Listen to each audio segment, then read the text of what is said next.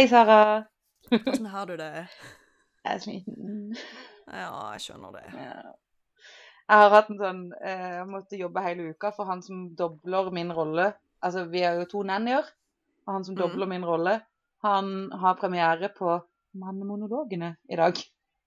Åh, Så han eh, har ikke kunnet jobbe denne uka, så jeg har liksom jobba dobbelt hele uka, og det er tungt. For nå er det sånn at jeg går ned og bare ser drømmene på babyen min og tenker jeg savner han.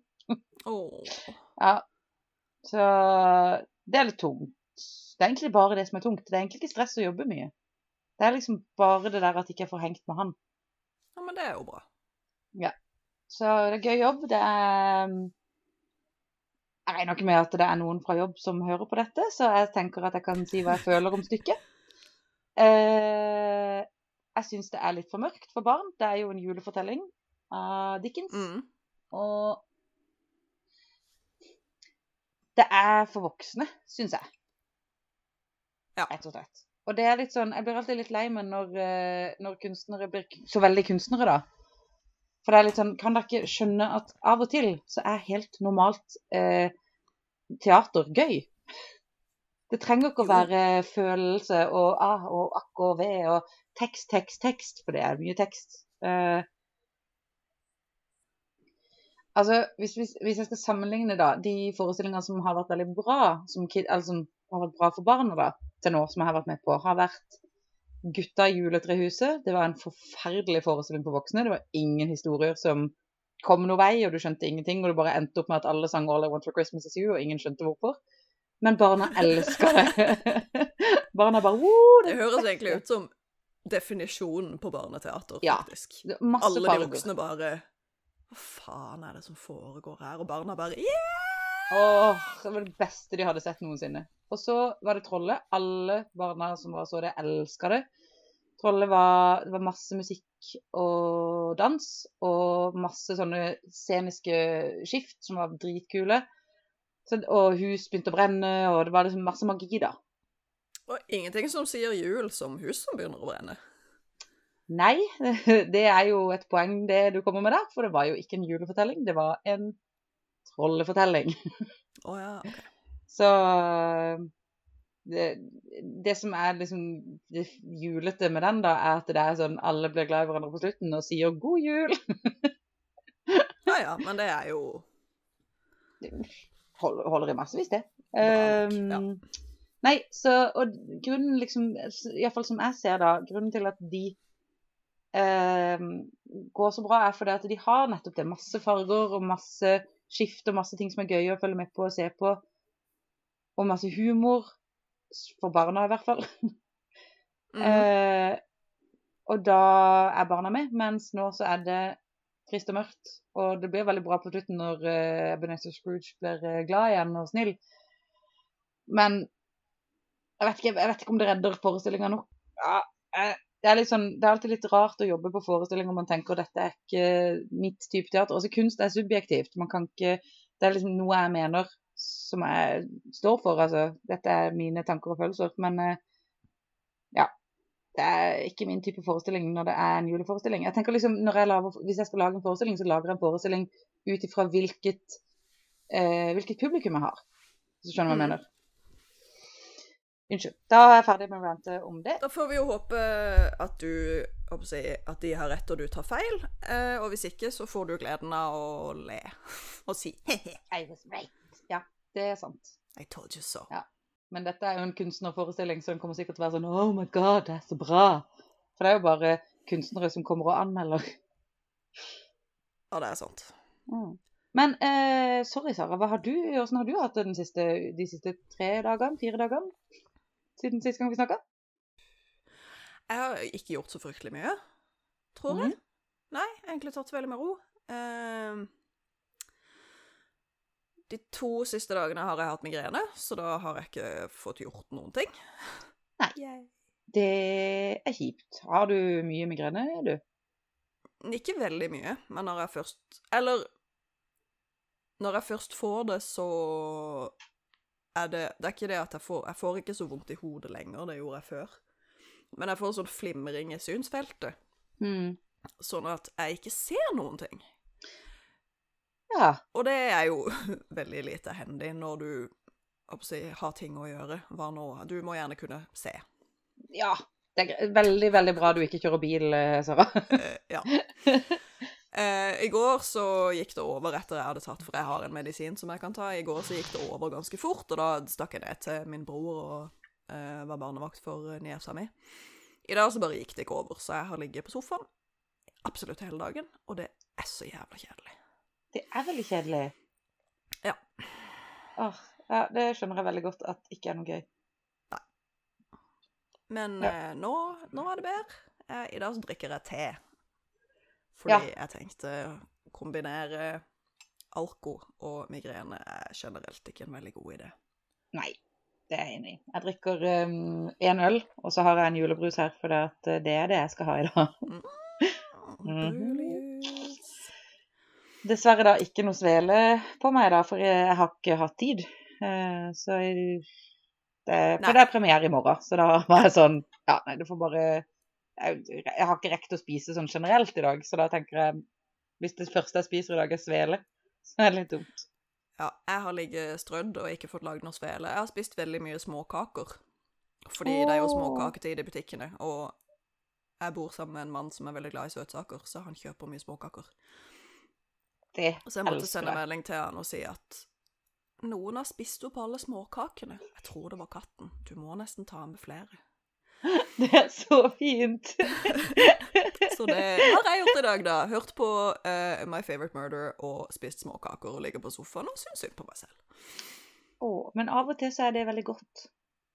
Ja, men jeg håper, håper ikke det blir sånn i morgen òg, for jeg får, får ikke, jeg får ikke gjort noen ting. Og det er bare åh, jeg, Ja. Hvis jeg vil ligge på sofaen og være doven og se på TV hele dagen, så vil jeg gjøre det fordi jeg har lyst, og ikke fordi jeg må. Ikke sant? Nettopp. Ja, helt enig. Ja, skjønner, skjønner veldig godt hva du mener. Men på den lyse siden så har vi fått en ny kompis på Patrion. Og det Nå ble jeg rørt i hjerterota. Hei, Sven. Tusen takk, Sven. Eh, Sven har jeg ikke møtt. Eh, nei, det tror jeg faktisk ikke du har. Sven, hvis du hører på, jeg gleder meg dritmasse til å treffe deg en gang når jeg kommer til Sara, og vi skal drikke øl. Det blir gøy. Han er jo nesten naboen min, så det lar seg jo faktisk veldig lett eh, oppfylle. Altså, vi skal ha det så gøy, vi. vi han skal være med på podden. uh, ja, det skal han faktisk. Ja. Ja. Og så eh, Jo, og så har jeg to Jeg har oppdaga to nye podcaster som jeg tenkte jeg skulle anbefale til deg og resten av verden. Uh, Få høre. Mm, Det er en som heter I Saw What You Did. Som er to veldig kule damer som snakker om film. Oh, det er gøy! Um, så hver episode så har de et tema, og så velger hver av de en film hver. Eh, og så gjør de det sånn at på slutten av episoden så sier de hvilke, fil hvilke filmer de skal se til neste gang. Og så kan du liksom være med og se filmen, ja. og så kan du gjette hvilket, hvilket tema som filmene liksom havner inn under. Og så snakker de om filmen og bla, bla, bla, bla. bla. Og de er veldig, veldig, veldig morsomme. Åh, dette må jeg uh, skrive du må sende det til meg sånn at jeg husker det, for et sånne ting glemmer jeg. For den vil jeg høre på. Det, høres ut som det er right up my alley. Ja, jeg tenkte det. Eh, og så er det en annen som heter Office Ladies. Jeg vet ikke om du har hørt om den? Nei? Det er hun som spiller Pam, og hun som spiller Angela i den amerikanske The Office. Oh, jeg har nettopp begynt å se Eh, den. Den, den er Den kjempegøy. er så sykt gøy. Den er dritgøy. Så de tar for seg hver episode. De begynner på piloten. og så tror jeg de går gjennom alle episodene i hele serien.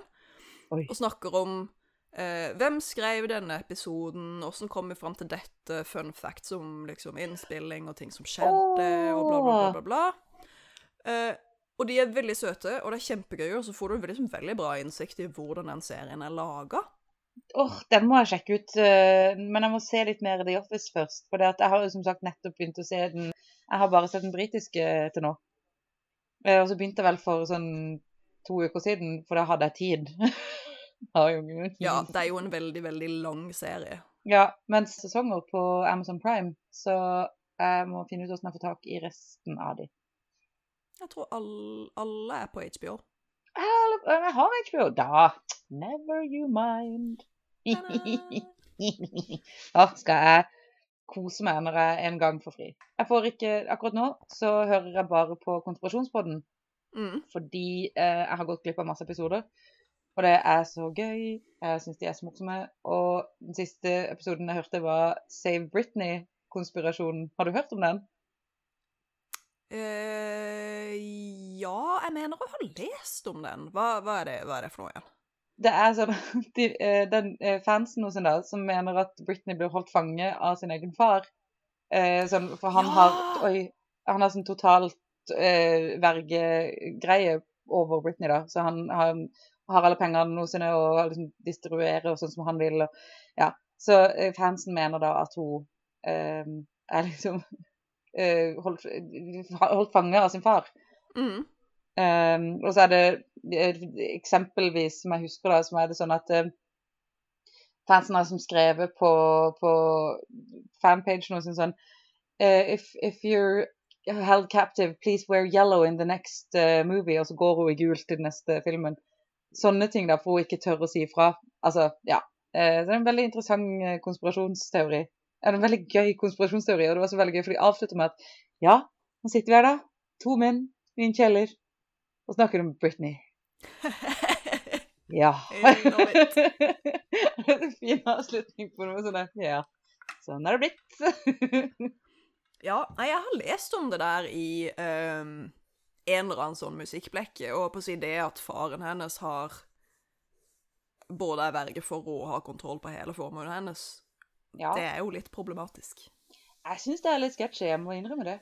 Eh, Altså, hun det- har jo vært eh, veldig psykisk syk og vært innlagt og alt sånt, men nå er hun jo ute og rehabilitert og i det hele tatt, så hun er jo, hun er jo en voksen dame, liksom. Ja, men altså, igjen da, så er det jo sånn, når du har levd et sånn sykt liv som hun har, og som har kjent som, altså i Disney House, eller hva det het når, de, når vi var små, Mm. liksom kjent der, og kjent hele livet, og sånn, så tenker jeg, du blir jo litt fucka, men Macaulay Culkin har jo klart seg bra etter at han kom seg vekk fra dop-greia, virker det som. Ja, han ble jo bare rusmisbruker i en alder av ti. Åh, det er kjipt. Det er veldig kjipt. Ja, eh, så dette er en av grunnene til at for jeg, og Fredrik har vært sånn shit. Siden Mio er sånn uh, lykketroll-type, så burde vi jo nesten starte en sånn YouTube-kanal eh, eller noe sånt, bare for gøy. Men så er begge to sånn Vi kan ikke gjøre det fordi det er så dårlig gjort å utsette barn for det. Ja, de kan jo ikke samtykke Nei, til det. de kan ikke det. Så vi har jo ikke, vi har ikke lagt ut noen bilder av han på unnskyld, sosiale medier. Vi har jo bare lagt ut Eller jeg tar noen bilder og sender noen snaps fordi folk eh, har så lyst å får det. Og så har jeg vært litt sånn Det blir jo lagra et eller annet sted i en eller annen harddisk En harddisk! Quite the opposite. Den store, den store, den største harddisken. Den store internetthardisken. uh, ja, der kommer nok en gang min kompetanse på IT fram. Uh, nei, men jeg vet at det er en eller annen sted, for jeg har jo signert, liksom sagt, eller god, godkjent det og samtykker til det, men eh, jeg tenker at det er ikke så krise. Fordi jeg føler at det forsvinner, og det er ikke sånn at det kan søkes opp igjen om ti år til, med mindre man klarer å hacke den harddisken. Ja ja, men det er jo helt vanlig å sende bilder av barna sine til folk. Altså om Ja. det er på Snapchat eller om det er julekort, liksom. Nettopp. Det Nei. Så jeg tenker Ja. at uh, jeg, jeg lar være uh, å legge det ut. Og så kan jeg heller sende kalender av Mio til de som vil ha det. Og så kan de som Ja. vil, følge med på Snapchat. Ja.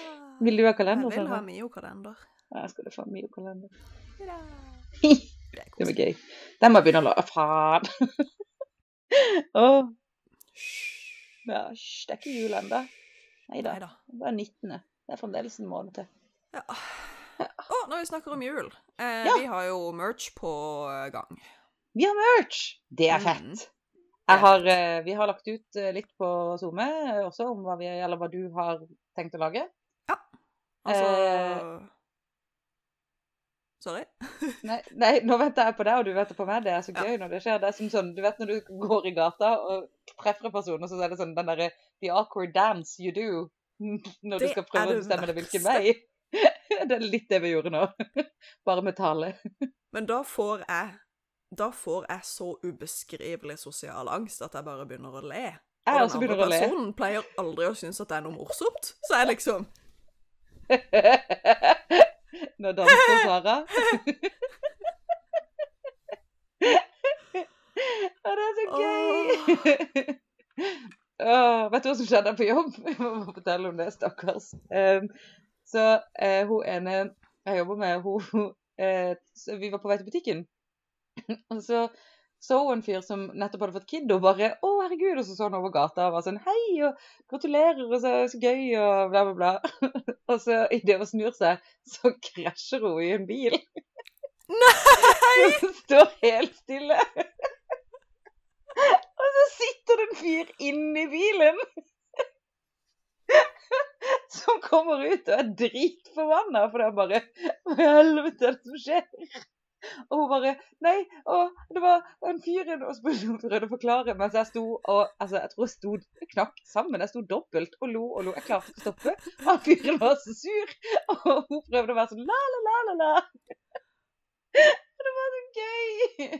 Han trodde det var en sykkel som hadde krasja i bilen hans, som var derfor han var sånn Å, helvete. Men det var jo bare hun. Å ja. Så når han skjønte det, så ble han jo glad igjen. Og sånn. Oh my ah, lord. You should have been there, ass. Det var, det var, det var gøy for meg, som uh, sover veldig lite for tida, og derfor er jeg sånn he på alt. Uh, men i hvert fall, merchandise. Um, det blir noen T-skjorter og noen totebags og noe sånt. Um, det var visst litt vanskelig med dette med sånn masker. Fordi Ja. det er så strenge regler på hva som er godkjent, og sånn og sånn. Ehm, men eh, ja, jeg snakka med leverandøren, og de sa at de jobba med saken, men vi, ja, vi får se hvor lang tid det tar, rett og slett. Altså, når jeg fikk vite det, så skrev jeg til deg, Sara, eller som, som du husker, så skrev jeg dette. Dette er så tøyst når jeg sier sånn. Um, men da uh, skrev jo jeg til deg at ja, de blir nok klare med de maskene når korona er over. Jeg regner med at det kommer til å bli noe sånt. Ja. Men, Men da kan vi lage pannebånd med Nei, bind. Truser? Truser med likdør. Det er veldig feil.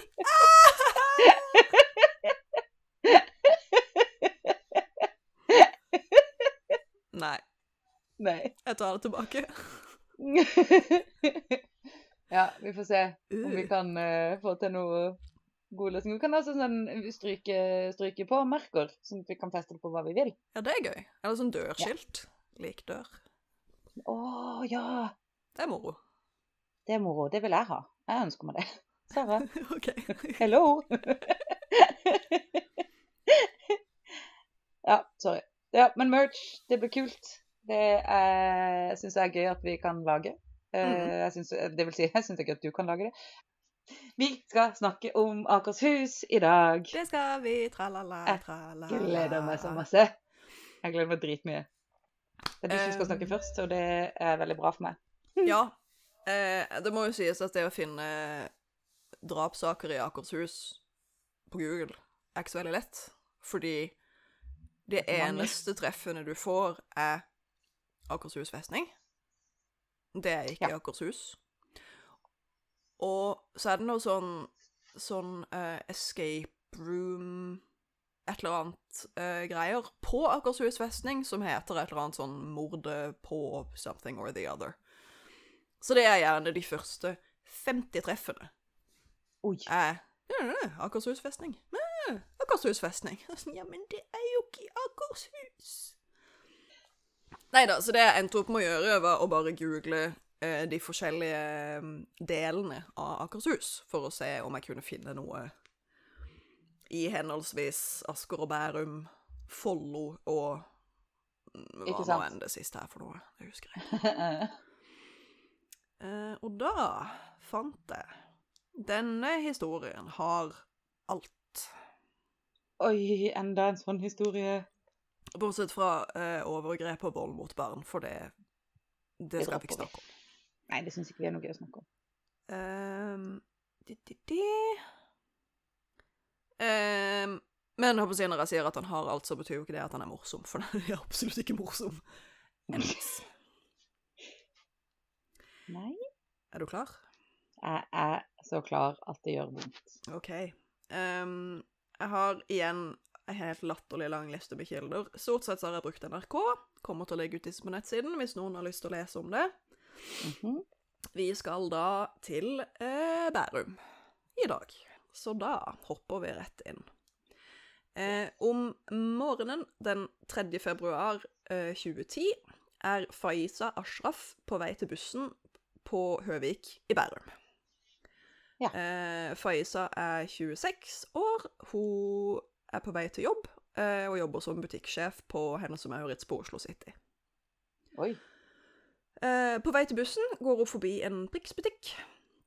Der blir hun stoppa av en ukjent mann som tvinger henne ned i bagasjerommet på en bil. Jesus Christ. Vi begynner, eh, vi begynner rett på. Det er så in medias race, det, altså. Yep. Det er det ikke, men eh, jo, det er det. Jo, er det Er det det? Nei, In medi Jo. Nei, in medias race ville vært sånn midt i. Hun lå i bagasjerommet. Dam, Ja. dam, dam. Vi er ikke Radioteatret. Ja. Ikke noe vondt om radioteateret, dog. Nei, jeg elsker er dritbra. Uansett. Um, heldigvis da, så er ikke denne kidnapperen så veldig smart, så han tar ikke fra henne mobiltelefonen. Det var jo bra at han var dum. Det var bra at han var dum. Så mens hun ligger i bagasjerommet, så ringer hun nødnummeret. Eh, forteller hva hun heter, heter, hva som har skjedd, beskriver hvordan mannen ser ut, og at hun ligger i bagasjerommet på en mørk bil, eh, men hun vet ikke hvor bilen er på vei. Eh, så prøver hun å ringe kjæresten sin, men han tar ikke telefonen. Eh, litt senere så ringer nødetaten tilbake, eh, og Faiza forteller at mannen hadde stoppa bilen eh, åpna garasjerommet, bundet hendene hennes og fortalt Jeg siterer Jeg vil ikke skade deg, jeg gjør dette som en jobb for en pakistaner, og får 100 000 for jobben. Han hadde gjort en slett jobb med å binde henne fast, så hun klarte å få løst den ene hånda, og det var jo sånn hun kunne ta telefonen, obviously. Eh, hun forteller politiet at hun vet hvem denne omtalte pakistaneren er, eh, og navngir en mann hun kjenner, som skal ha plaga henne over lengre tid. I hvert fall. Hun har nødetaten på telefonen i 28 minutter frem til samtalen blir brutt klokka 07.21. Det er altså fortsatt tidlig på morgenen. Ehm, og de får ikke kontakt med henne etter dette, men de sporer telefonen til en basestasjon nær Dikemark, Dikemark i Asker. Dikemark. Mm. Eh, rundt klokka halv ti forsvinner alle signalene fra Faiza sin telefon. Ja. Så Ehm, Politiet pågriper og varetektsfengsler denne mannen som Faiza hadde navngitt, eh, og søk søker samtidig rundt i Dikemark-området. De stopper alle mørke biler og gjennomsøker bagasjerommene, men de har ikke noe hell med å finne noe. Helsike. Dette var da altså den 3. februar. Så den 8. februar kobler de inn eh, Kripos, eh, men de leter fortsatt i blinde. Samme dagen offentliggjør, offentliggjør de navnet og bildet av Faiza etter samtykke fra familien, fordi de hadde nettopp kommet hjem fra ferie eh, i hjemlandet Pakistan. Kjempe, kjempegøy ting å komme hjem til. At hei, dattera di har blitt kidnappa. Ja, helt helt forferdelig. Herregud, for en krise. Jeg skal si, I NRK skrev de at det siste døgnet har det kommet påstander om at Ashraf skal ha levd et turbulent liv, og at hun fryktet tvangsekteskap i utlandet. Familien stiller seg helt uforstående til de opplysningene som nå kommer frem gjennom lekkasjer fra taushetsbelagte politiforklaringer, og kjenner seg overhodet ikke igjen i de beskrivelser som gis, sier familiens advokat til NRK. Eh, så dette høres jo ut som familie... Nei, familien ser jeg. Media som spekulerer i at å ja, de er jo fra Pakistan, ja, men da må det jo være tvangsekteskap inne i bildet. Dødskult. Bra jobba. Ah, åh, hvis det er det Åh, åh da blir jeg så skuffa over media. Åh. Faiza og kjæresten hadde vært sammen i ni år, eh, og ifølge han så hadde de tenkt å gifte seg. Og i NRK så skriver de at han avviser kategorisk at kvinnen kan ha iscenesatt bortføringen for å rømme. Jeg har ikke lest noen andre steder at det var en teori at hun har iscenesatt en bortføring for å rømme. Men det var tydeligvis en teori, da. Ja. Men det er jo også en litt sånn Altså, happy. Heller, den teorien enn det jeg automatisk går til at hun er blitt voldtatt og drept, liksom. Absolutt. Absolutt. Skal vi se, kjæresten uttaler ehm, Hvis hun ville stikke av, så ville hun gjort det samme med meg, og ikke alene. Jeg var den som sto henne nærmest. Ehm, vi var sammen og snakket sammen hver eneste dag. Dessuten ville både hun og jeg at vi skulle gifte oss på riktig måte. Det vil si at mine foreldre gikk til hennes foreldre og ba om lov. Ja. Eh, han forteller også at eh, hun hadde astma og kunne få veldig kraftige anfall. Eh, og han ikke visste om hun hadde med seg medisinen sin, så han var jo følgelig veldig bekymra for henne. Um, Og jeg bare sitter og sukker og stønner gjennom hele historien. For jeg bare, det, så, det her er ikke noe gøy. eh, 28-åringen, altså kjæresten til Faiza, bekrefter at han har vært i et belastet miljø, men tror ikke den antatte kidnappingen skyldes at han har noe uoppgjort med noen. Han kjenner heller ikke til at Faiz har hatt problemer med noen, bortsett fra mannen som er sikta i saken. Kjæresten sier at den siktede har plaga Faiza siden han så henne første gang i en Rimi-butikk i 2005. Siden har han sendt meldinger og vært ute etter henne. Han kunne også gå rundt på jobben hennes i timevis, men Faiza var aldri interessert i ham. Venner av Faiza har i politiavhør fortalt at den siktede mannen forsøkte å dra henne inn i en bil i fjor sommer. Classic stalker. Holy fuck. Mhm. Tenk, så, tenk så grusomt å jobbe i butikk. Og ha en stalker som bare kan gå inn der og gjøre som han vil. Kødder du? Det Å, fy faen. Altså, butikk eller servering, du har jo Du, du kan faktisk ikke rømme. Nei, du kan faktisk ikke rømme. Um, så den eh, omtalte pakistaneren, som også er drosjesjåfør, er mistenkt for å ha betalt noen for å bortføre kvinnen. Han, nekter selvfølgelig å ha noe med saken å gjøre. Ja, men han er jo navngitt. hmm? Det er han som er navngitt, liksom. Ja, ja, han som hun navnga til politiet da hun lå i bagasjerommet på denne bilen. Han bare nekter for alt, han. Han gjør Selv om det. han er navngitt. Mhm. OK.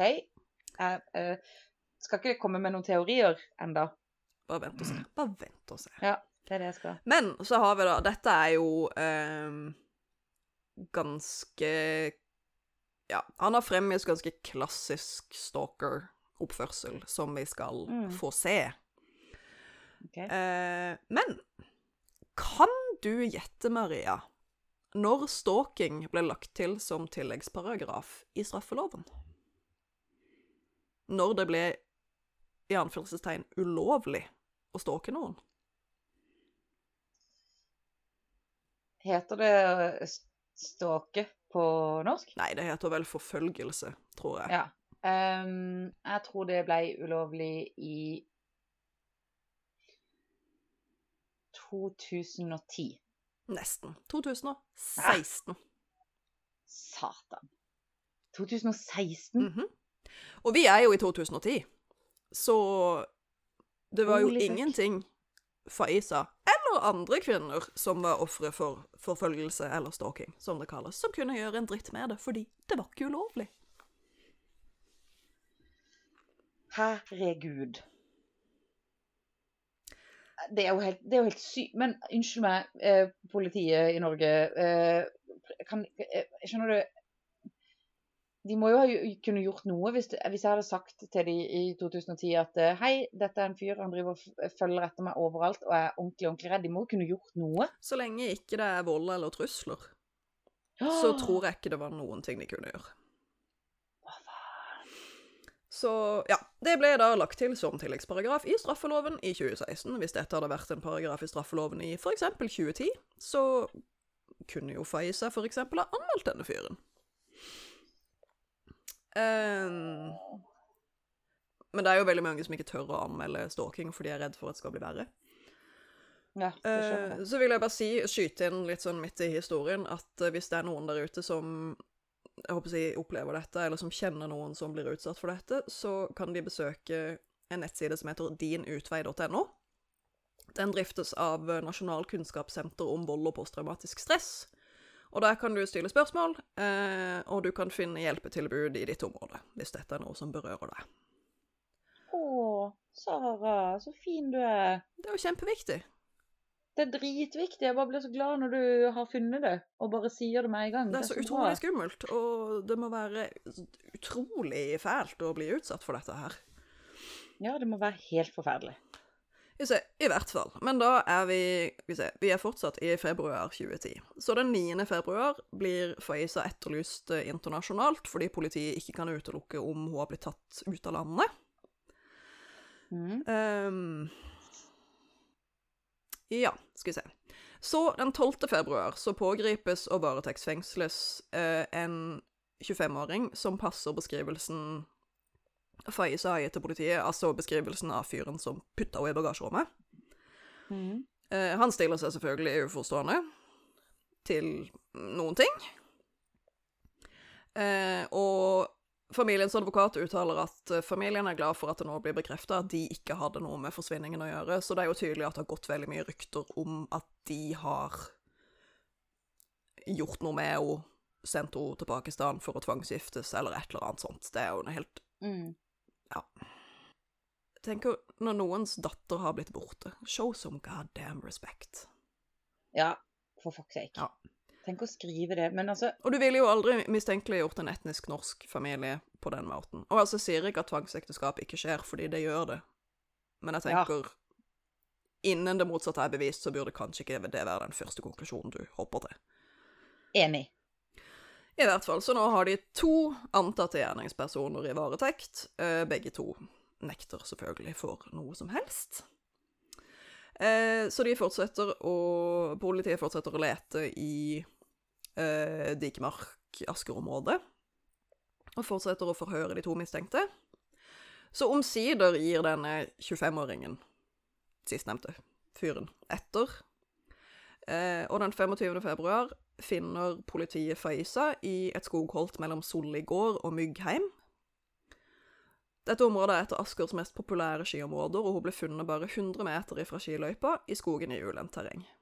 Politiet opplyser at hun var gravd ned under jord og snø.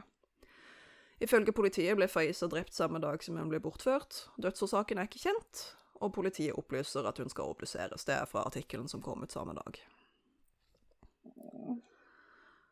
Åh. Åh, ikke sant? Inni meg, selv om vi snakker om død og sånne ting, så er jeg sånn Kanskje hun overlever? Hver gang så håper jeg på det. Selvfølgelig håper man på det. Og det, det Ja. finnes jo heldigvis eh, historier der ute om for de som gjør det. Men Ja. Eh, ja. Det ble dessverre ikke utfallet denne gangen her. I hvert fall. Så politiet, og, politiet går på døra til familien midt på natta for å fortelle at de har funnet henne, og da tror faren at de har funnet henne i live, og at de kommer for å ta henne med hjem. Og det bare er så Nei, utrolig hjerteskjærende. Å, Sara. Å Det er sånn Kan du bare Du må ikke si det. Å, jeg orker ikke. Jeg blir så lei meg. Sorry. Jeg skal ikke um, Jeg tror det er det siste siste veldig triste, for nå beveger vi oss sakte, men sikkert inn i psykoterritoriet. Å, herregud. OK, Så jeg er klar. 25-åringen, han heter Håvard Nyfløt. Han blir sikta for overlagt drap og frihetsberøvelse. Eh, han erkjenner at han drepte Faiza, men ikke med overlegg. 28-åringen, han heter Shamres Khan, siktes for medvirkning til overlagt drap, men mener først at han ikke kjenner Nyfløt.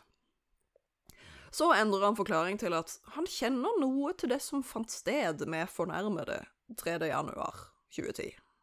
Siter, siterer NRK. OK. Eh, Nyfløt skal ha blitt jeg angrer. Jeg, jeg, vil bytte, jeg vil bytte meninga mi. Ja. Eh, jeg kjenner ingenting til det, men jeg kjenner noe Jeg til kjenner det. noe til det, ja. OK. Eh, Visstnok så skal nye fløt ha blitt pressa til å være med på Khan sine planer for å betale ned en eller annen type gjeld. Ja. Eh, Nyfløt forklarer at Khan ønska å vannsire Faiza med syre for å gjøre henne så stygg at ingen ville ha henne. Igjen Holy crap. stalker. Eh, en annen kilde mener at han også ville gjøre henne avhengig av dop. Uh, I tillegg skal flere menn ha blitt tilbudt penger fra en norsk-pakistaner for å helle syre på en kvinne. Så det virker som han bare liksom gikk bort til random folk på gata og bare 'Hei, vil du ha penger for å kaste syre på ei dame?' Hvem faen er den fyren? Hva, hva er galt med han? Uh, jeg, jeg, jeg vet ikke. Jeg vet ikke. Orker ikke. Så Khan selv erkjenner seinere at han hadde bestilt kidnappinga, men at han, bare ville snakke med Faiza. Seinere innrømmer han at han også hadde leid folk til å følge etter henne. Hæ? Hva, eh, hva, altså eh, Åssen er det mulig å bli så gal? Jeg skjønner ikke hva Og altså Jeg bare Jeg bare hakker, jeg nå. Ja. Jeg, jeg har fått Eh, han mener også at hun tidligere hadde sagt at det kunne bli noe mellom de. Uh, men si, hun hadde hatt kjæreste så lenge de hadde kjent hverandre. Så, men hun kan jo ha sagt det, for all del. Uh, men så hadde hun bestemt seg, og da nekta han å gi opp. og folkens, alle dere som hører på, jeg trenger sikkert ikke å si dette, men det er ikke sjarmerende å aldri gi opp. Hvis noen sier nei, jeg vil ikke ha noe med det å gjøre, nei, jeg vil ikke ha en kopp kaffe, nei, jeg vil ikke bli med på date, så respekter det, for faen! Ja, Jesus Christ. Det er ikke sånn at uh, vi føler at vi trenger å bli kjempa for som damsels in distress Nei, lenger. Det er forbi, kjære verden. denne typen oppførsel, helt på trynet. Helt på trynet. Så Khan forteller at han ved sykt mange anledninger hadde prøvd å snakke med henne, men hun hadde avvist han, begynt å skrike, eller tilkalt vakthold da han hadde oppsøkt henne på jobb. Og fortsatt så bare tok han ikke et jævla hint, selv etter at faren til Faiza hadde tatt kontakt med han og bedt han om å la henne være i fred. Herregud. Altså, men han har jo skjønt poenget. Han har jo skjønt at dette er ikke greit. Det, det har han jo skjønt. Det der er jo eh, altså en eller annen di diagnose. Ja, altså, folk som Folk som forfølger, er jo gjerne sinnslidende på en eller annen måte. Ja. Eh, dette er jo ikke normal Dette er ikke normal oppførsel. Nei, Det er jo virkelig etter all sannsynlighet. Etter all sannsynlighet så er det et eller annet som ikke er riktig skrudd sammen oppi der. Jepp. Uh, I hvert fall, Han erkjenner også at han skal snakke med én person om å skade Faiza ved å kaste syre på henne. Uh, jeg siterer fra NRK.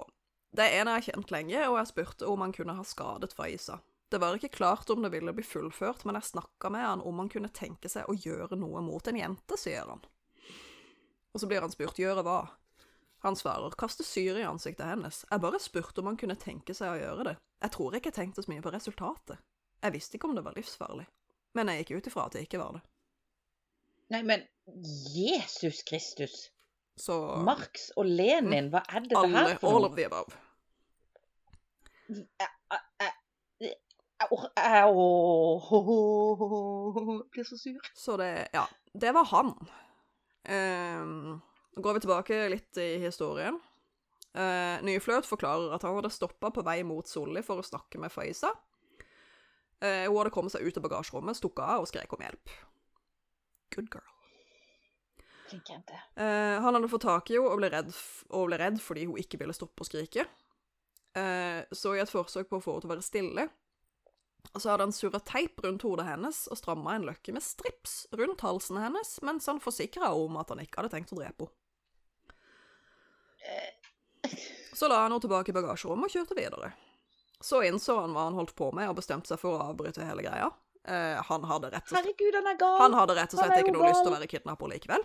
Eh, så han stoppa og åpna bagasjerommet, men han fikk ikke kontakt med Faiza fordi hun Han hadde stripsa nakken hennes, så hun var vel blitt død. kvalt av teipen og stripsen. Ja. I'm not surprised. Men det Etter alt å dømme så var ikke det Hva skal jeg si Hadde han ikke planlagt å ta livet av henne på den måten, i hvert fall. Men Nei. ja, hvem vet? Hvem vet?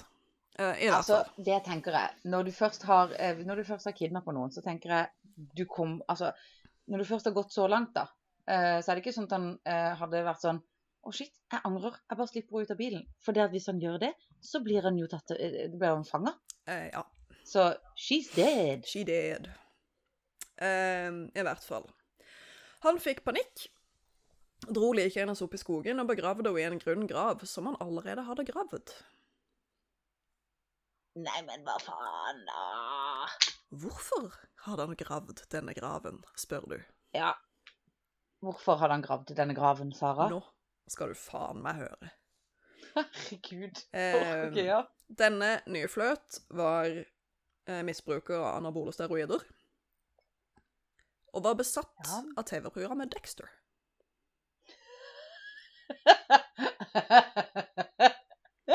OK, Eh, det er greit. Anabole steroider kan gi hjerneskade. Eh, ifølge en artikkel i Aftenposten er det påfallende mange tilfeller der sanseløs vold er utført, at drapsmenn og overgripere har gått på anabole steroider. De rammes av Ja. aggresjon, steroidpsykose og depresjoner, videre tap av impulskontroll, mangel på dømmekraft, sosiofobi og høy risiko for selvmord. Så tar du nok steroider, så blir du loka i huet. Og det er jo tydelig at denne fyren her var ganske loka i huet. Ja, man vil jo innrømme at det er det det tyder på, det du forteller Ja. her, hvis ikke alt bare er oppspinn. Så vi har da en fyr som er ganske loka i huet, og som i tillegg er oppslukt av en TV-serie om en psykopat som dreper folk og kutter dem opp i småbiter. Herregud. Eh, så han forteller, Nyfløt altså, at da han Vent fikk vet du hva som skjedde nå? Jeg må bare pause deg litt. Vet du hva som skjedde nå? Eh, når du sa Dexter, mm, av en eller annen grunn, så gikk jeg rett til den uh, la, la, la, la, la, la eh, Denne tyske tyske krimserien som gikk på NRK. Derek! Derek! Obsessed med Derek. Jeg bare LOL? Det var Oh my feil. god! Det hadde vært helt fantastisk. Kan vi skrive en krim om en morder som er besatt av Derek? Please. Tenk. Herregud. Sara. Sa, uh, TM. Uh, copyright. Ja. All that Ja, shit. ja, ja. Eh, for det, altså, dette må vi skrive. Herregud, Dødsbra. gøy. Unnskyld. OK. Det er altså ikke Derek, men Dexter. Dexter, ja. Jeg har sett den også. Um, så Nyfløt forteller at da han fikk dette oppdraget fra Khan, syntes han at Khan var en god kandidat til å bli hans første drapsoffer, Dexter-style. Ja. Uh, ifølge VG uttaler han da Khan ba meg om å kidnappe og skade en kvinne, tenkte jeg at han passa denne profilen. Jeg tenkte han var et skadedyr, og det var min jobb å avlive han. Jeg skulle grave et hull i bakken, der han skulle brennes. Jeg skulle heise han opp i et tre, skjære opp kroppen hans og brenne han. Dette skulle skje mens hun så på, forklarer han i retten. Herre jævla gud. Jeg orker det ikke. Det er da eh, inspirert av visstnok den siste episoden av sesong to av Dexter, hvor han dreper en fyr mens en annen person sitter i et bur med siden av om å se på. Denne episoden har no, ny... no spoilers. No spoilers, men uh, det er hva? Den serien er så gammel nå at hvis folk ikke Ja, har sett den innen nå, too bad, so sad. De, ja, og vet du hva? Da har de faktisk ikke glipp av så mye. Så det er ikke, for det, det, det var litt gøy i begynnelsen Helt enig. Ja. Jeg syns første sesongen var litt sånn eh, Den syns jeg var kul, men Ja. så bare Å, herregud, så jævla mye drama og whining og øh. Ja, helt enig. Ja. Det er godt vi er enige. Ja, vi Ja, det, det liker jeg. I hvert fall, denne episoden har Nyfløt forklart at han har sett gang på gang, og at han ønsket å gjøre det samme. Med den 28 år gamle drosjesjåføren som hadde bestilt kidnappingen. Uh,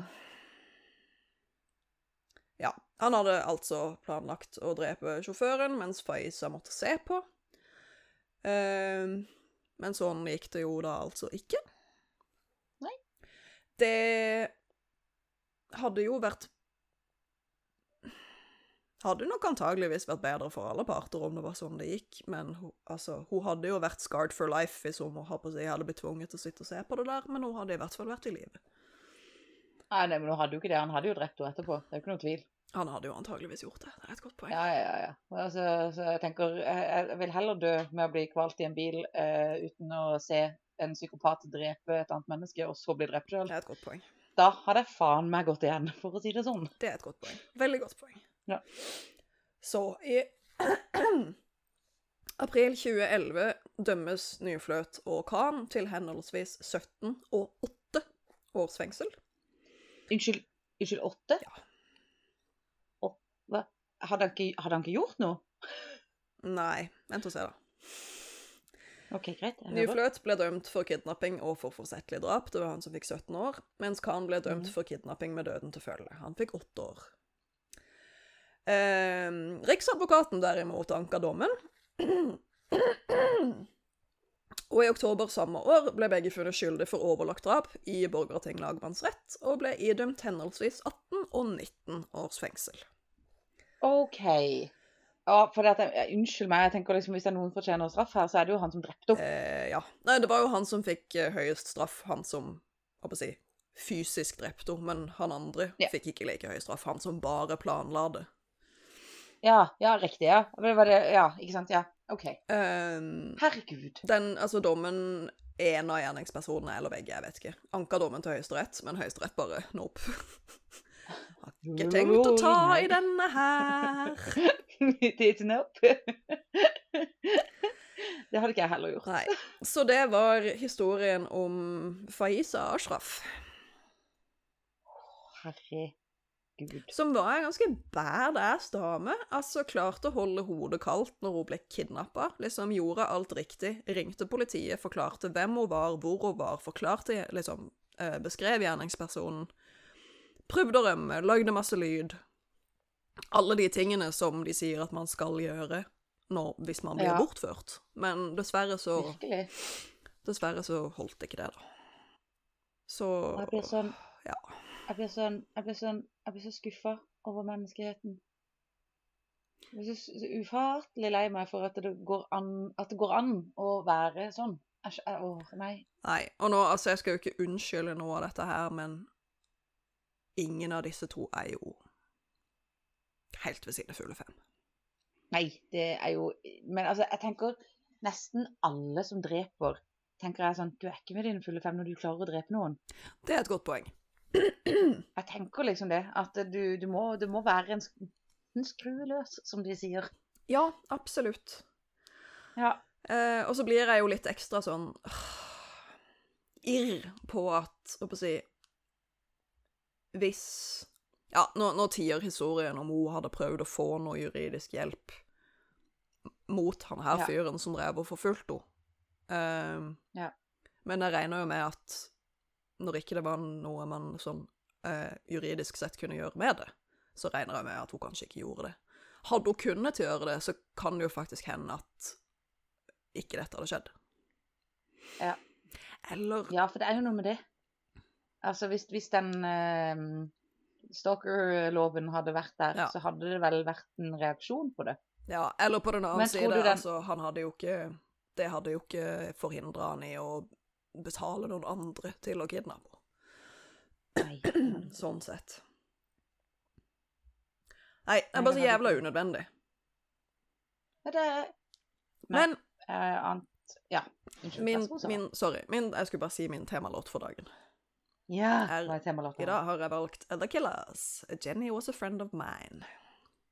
The Killers. The Killers. Det er sånn I mitt hode så er det litt sånn um, The Killers kom vel når vi var gotere, cirka. Ja, Mr. Brightside kom vel rett omkring den tida. Ja. Og, men de holdt jo på i mange år etter at liksom vi ikke var gotere lenger. Eller vi var jo det alltid, vi er fremdeles det. Ja, det er sant. I sjela. Altså, har du sett den fine skjorta mi?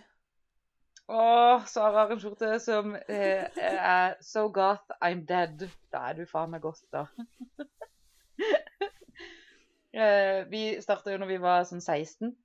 Jeg vet ikke om vi har snakka om dette, men vi, snart, eh, vi starta en sånn Vi fikk jo ikke lov til å gå og være med på de, de voksnes goterfester som de hadde på Klubb Lestert. Og oh, de var så kule og svarte og sånn. Så vi i vår gjeng starta vår egen klubb, og vi kalte den for Små goth. Det var så koselig. Vi var kjempe... det var- Vi var, vi var veldig flinke. Jeg, vi, altså, jeg tror det etablerte vår eh, vei inn i kunsten eh, der. Ja, men det var liksom For det første så var det veldig gøy å holde på med. Og så var det Det Mm. var så wholesome. Det var liksom Vi bakte brownies, og så var det kaffe, og så var det brus, og det var liksom ikke Altså nulltoleranse for alkohol, og det kom det jo så mye folk. Det var veldig mye folk. Jeg skjønner hvordan vi Og da hadde vi ikke Facebook for å reklamere for det. Nei, det er et godt poeng. Det var liksom Mm. det, det var helt sjukt. Ja, Og det var jo til og med. Det var der jeg ble kjent med Kenneth. Ja, Min beste venn Kenneth. der vi ble kjent med Kenneth. Ja. Nei, det var, det var den beste Det var det beste miljøet for oss, eller iallfall for meg, å henge i i den tida. Det var dødsbra miljø. Det var Ja, det var veldig, veldig fint. Så props til, props til dere som satte det i stand. Mm. Det var jo oss, Sara. Jeg var jo egentlig ikke med på planlegginga noensinne. Å nei. Nei. nei. Det var meg og Hanne Sara og Lol John. Ja. Sig, var ikke Sigrun med? Jo, Sigrun var vel også med. Ja. Hva faen gjorde jeg der? jeg kunne jeg kan ikke planlegge. Jeg bare husker at jeg satt på de møtene og bare Jeg kan lage brownie. Nei, jeg og Tale var jo aldri med å planla, men vi bare var med hver eneste gang, og så drakk vi kaffe og hang med dere, liksom. Så Ja. mye kaffe, og så jævla dårlig kaffe. Det var dårlig kaffe. satan. Ja, good times, da. Det var good times. Ja, det var bra. Det var, det var... Ja, Så hvis du er 16 og ikke vet hva du skal gjøre, start en liten goterklubb. Da får du mange gode og nære venner og fine relasjoner. Gjør det. Gjør det. Goter er bra folk. Yes, og det var som sagt, det var min historie for eh, dagen. Den eh, Den det, det, det er bare lag på lag på lag på lag med ting som er forstyrrende. Åh, psykopater. Det er det det. Det er lag på lag med psykopater. Lag på lag med psykopater. Og anabole steroider. Og anabolsteroider. Ikke gjør det, folkens. Ikke, du blir ikke du, du, Ingen som syns det er fint å være seg sånn bolerut når du eh, Bare dropp det. Ja, og det, er- det, si, det er en ting at eh, Ja, det er kanskje ikke Eller, det er ikke en estetikk som jeg setter pris på, men det er jo subjektivt. Men don't fry your brain. Ja. Altså. No, don't fry your brain. Don't do it. Bare, Bare hold det, altså Sånn som forrige historie også, bare hold deg unna rus, liksom. Ja, gjør det. Bare la være. Ta deg en øl. Ta deg en øl, men ikke drikk for mye sånn at du blir sint og begynner å slå folk. Bare måtehold, Nei. folkens. Og bare Ja, Ja, ikke skade andre mennesker. Så jævla dårlig stemning. ja, hvis du gjør som oss, ikke sant, da kan du bare snakke om det i en podkast istedenfor. Det er jo så mye chillere. Mhm. Mye chillere. Og da kan du drikke øl, og du kan spise god mat, og du kan eh, føle at du henger med venner selv om du ikke henger med venner. Altså, ja. Nei, please people, be, be smart. Be smart. Be safe.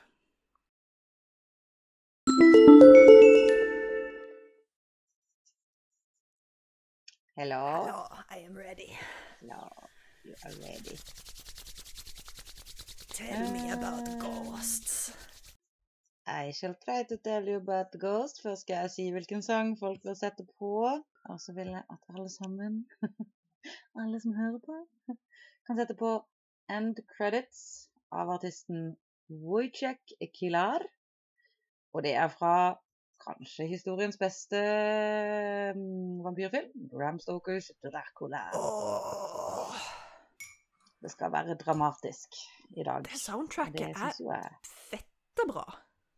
Ja, det er dritbra. Det er ordentlig, ordentlig gøy. Eh, ja, det er godt jobba av Wojciech, som han het.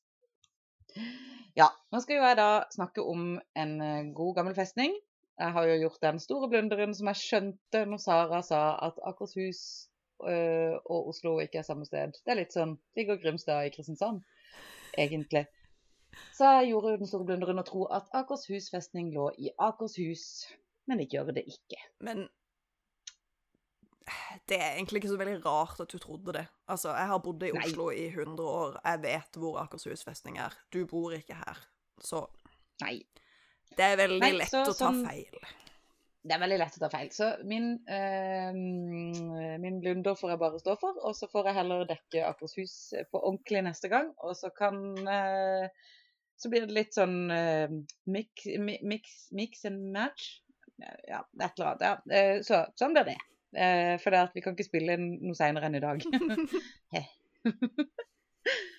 så jeg skal snakke da om Akershus eh, slott og festning, som ligger i Oslo. Eh, så det blir gøy. Da kan Sara snakke om Oslo neste gang. Yeah. Så kan jeg snakke om Akershus. Jeg har jo selvfølgelig brukt en haug av kilder som jeg en eller annen gang skal få sendt til deg, Sara. Det blir gøy. Å, jeg gleder meg. Jeg elsker kilder. Åh. Eh, Akershus eh, slott og festning eventuelt også bare Akershus festning, er eh, av eh, en av de mest betydningsfulle festningene i norgeshistorien. Det ble opprinnelig bygd opp eh, en sånn middel... Nei, som en middelaldersk kongeborg med sete for kongens representanter. Strategisk beliggende på Akersneset i Oslo. Der står det Oslo. Men jeg hadde tenkt sånn Jeg tenkte sånn Ja, men da er jo Oslo en liten by. altså, av og til så tenker jeg veldig kort, og i dag var en av de dagene hvor jeg tenkte veldig kort. Hvor ligger Grimstad, dere? Det skal jeg ha på en T-skjorte. På 1600-tallet ble han bygd om til et renessanseslott omgitt av eh, en bastionfestning. Er, eller en bastion er en eh, fremskutt plattform for artilleri eh, i en besetning eller forsvarslinje på eldre befestninger. Disse oppsto som følge av det militærteknologiske den militær, militærteknologiske utviklingen hvor festningsmurene ble gjort rette, altså nå viser jeg med fremskutte posisjoner for artilleriet. Så det er liksom sånn at eh, du har rette linjer, og så er det noen steder i muren hvor det liksom går ut av muren, hvis du skjønner hva jeg mener. Mm. Eh, eller muren er forma som en sirkel eller et eller annet. For at artilleriet skal kunne da gå lenger ut og fram. Sånn at eh, kanonene kunne treffe mål, eh, osv. osv. Det er masse sånne forklaringer på det, men jeg tror ikke jeg gidder å gå så langt inn i det. Med mindre noen vil det.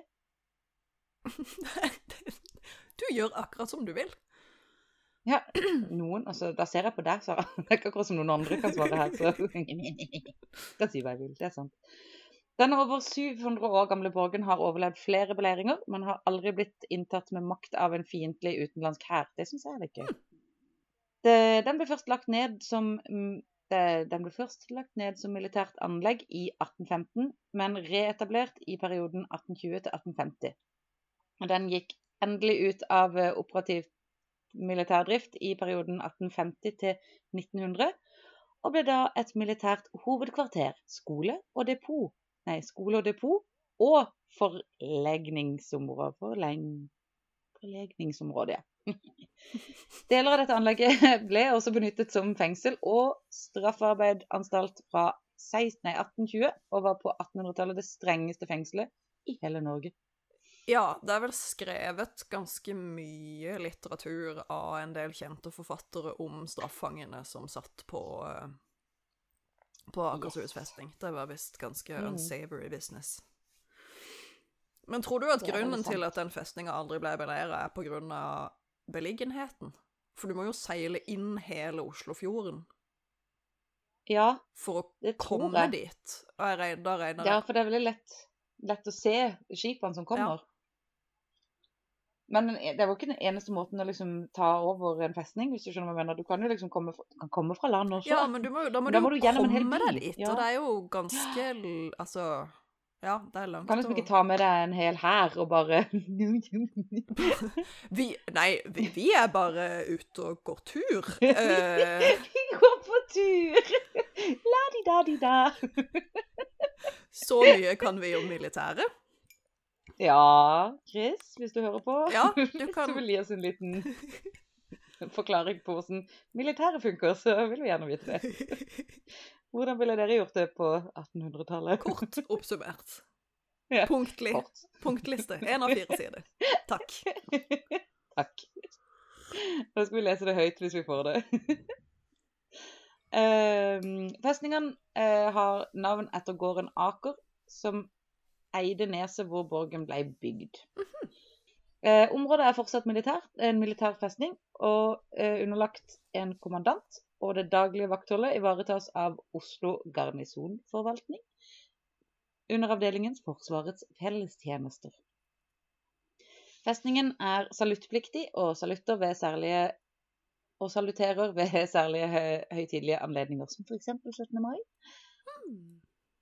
Eh, Forsvarsmuseet og den integrerte ledelsen av Forsvaret har lokaler på Akershus festning og etter bombeangrepet på regjeringskvartalet har også statsministeren, statsministerens kontor midlertidig tilholdsplass på Akershus festning.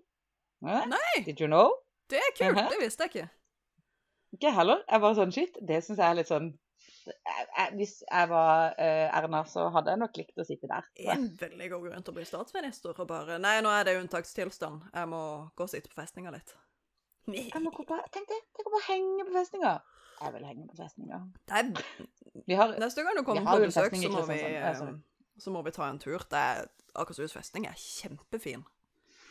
Jeg har dritlyst til å se Jeg har jo vært inne og gnoma på alle disse gøye spøkelsesbildene som selvfølgelig fins derfra, mm. og det ser jo helt freaking fantastisk ut. Ja, jeg har aldri vært inne, men du kan jo gå opp på festningsmuren og gå rundt mesteparten av borga og kikke. Og så er det sånne Ja. kjempestive sånne gardevakter som marsjerer rundt der og bare er veldig strenge. De er veldig søte. Er ikke de sånn 18 hele gjengen? Eh, kanskje litt eldre enn det, men de er ikke så veldig gamle. Eh, jeg hopper litt grann i eh, denne lille Wikipedia-artikkelen. Mm. Og går videre til eh, slaveriet som har foregått eh, fra 1820-årene. Som følge av at den militære verdien var borte, forfalt anlegget. Så nå er det liksom militæret har flytta ut en tur, og de ytre delene ble frigitt til byggetomter for det offentlige og private og sånn, og blant annet til nybygg for Børsen, Christiania Teater, Norges Bank og St. Johanneslosjen St. Olaus den hvite leopard. Var festninga så svær?